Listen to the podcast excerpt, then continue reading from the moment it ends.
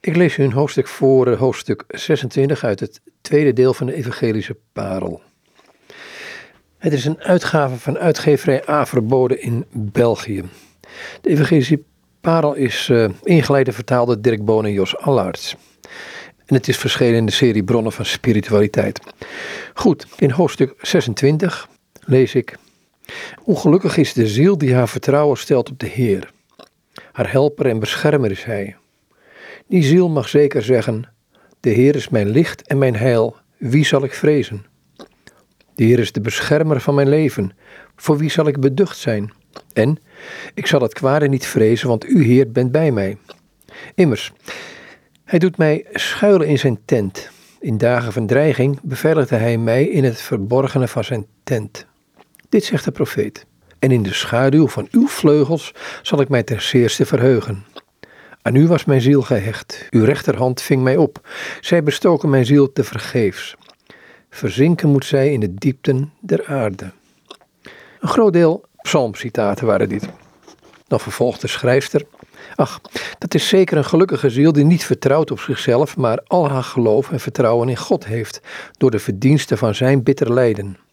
Onze Heer zegt: Wie in mij gelooft, uit zijn binnenste zullen stromen van levend water vloeien. Wie op mij vertrouwt, zal de aarde in bezit nemen en op mijn heilige berg wonen. Mijn volk zal wonen, zo spreekt God door de profeet, in de schoonheid van de vrede, in de tenten van het vertrouwen en in heerlijke rust.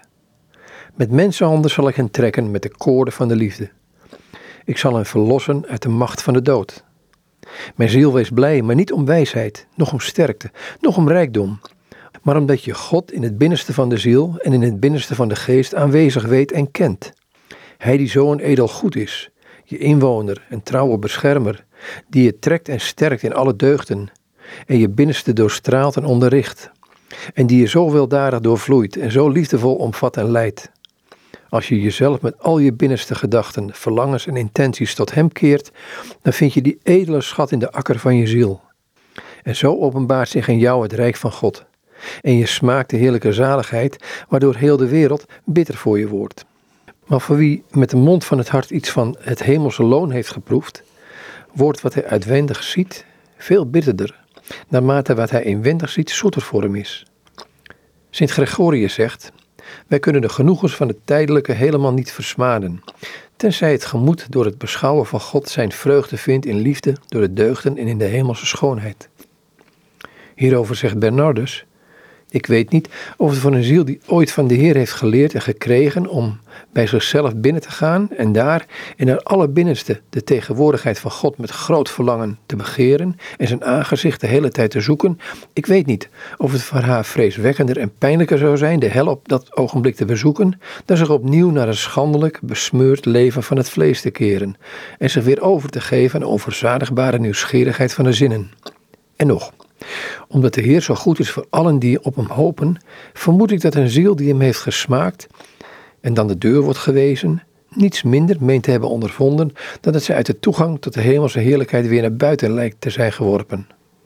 We vinden nogal smaak in de wereld en zijn niet gestorven aan onszelf, omdat we God niet louter zoeken en hem aanhangen. God spreekt door zijn profeten. Je zult mij zoeken en mij vinden. Zo moet ik door jou gevonden worden. Zoek mij en je zult leven. Bekeer je tot mij en ik zal me tot jou keren. Bekeer je tot mij en je zult gelukzalig zijn. Spits je oren en kom tot mij. Luister en je ziel zal leven. Want ik zal met jou een eeuwig verbond sluiten. De betrouwbare genade bewijzen aan David. Al dus de schrijfster van de evangelische parel. Het is een, een uitgave van uitgeverij A verboden in België. Dit is een vertaling van het in 1537-38 verschenen De Grote Evangelische Peerlen. En het werk is vertaald en ingeleid door Dirk Bonen en Jos Allarts.